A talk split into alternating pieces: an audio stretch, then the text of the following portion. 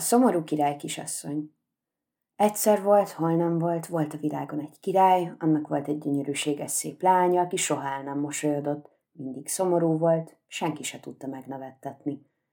A király nagyon szomorkodott azon, hogy az ő gyönyörű szép lánya úgy a búnak adta magát, kihirdette az országban, hogy aki az ő lányát megnevetteti, annak adja feleségül fele királyságával együtt.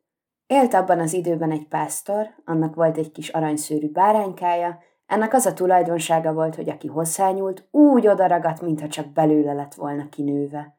Egyszer a pásztor kihajtotta legelni, amint legelteti, arra megy egy eladó leány, megsimogatta a bárányt, mindjárt odaragadt. Elkezdi a pásztor. Hőjelő, hőjelő, édes aranyszőrű báránykám, szőröt szállán a nagyjány. Hajtotta tovább a báránykát, arra ment egy pap, ráütött a botjával a lányra. Ej, te nagy bolond, mit töltöd itt az időt? Mindjárt odaragadt. Megint elkezdte a pásztor. Hőjelő, hőjelő, édes aranyszőrű báránykám, szőröt szállán a nagyjány, nagyjány hátán pálca, pálca végén a pap. Azután arra ment egy asszony egy sütőlapáttal a kezében, ráütött a sütőlapáttal a pap farára. Ugyan tiszteletes uram, minek bántja azt a szegény lányt? Ez is odaragadt, megint elkezdte a pásztor.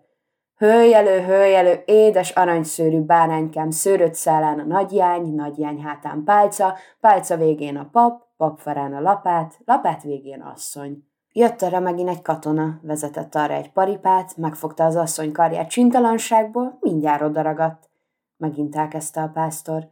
Hőjelő, hőjelő, édes aranyszőrű báránykám, szőröt szállán a nagyjány, nagyjány hátán a pálca, pálca végén a pap, papfarán lapát, lapát végén asszony, asszony karján katona, katona kezében kantárszár, kantárszáron paripa. Megint jött egy takács egy csomó vászonnal, rávágott a paripa farára.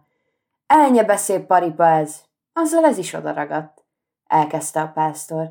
Hőjelő, hőjelő, édes aranyszőrű báránykám, szőröt szállán a nagyjány, nagyjány hátán a pálca, pálca végén a pap, papfarán lapát, lapát végén asszony, asszony karján katona, katona kezében kantárszár, kantárszáron paripa, paripa farán vászon, vászon végén takács.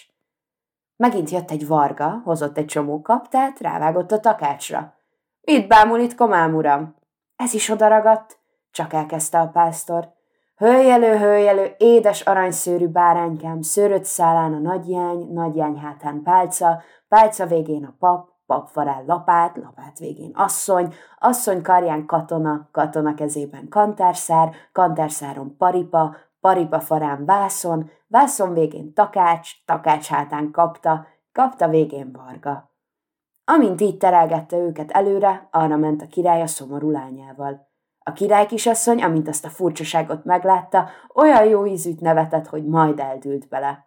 A király is, amint meglátta, magához hívatta a pásztort, neki adta fele királyságát meg a szép leányát, megesküdtek, nagy lakodalmat csaptak, még ma is élnek, ha meg nem haltak.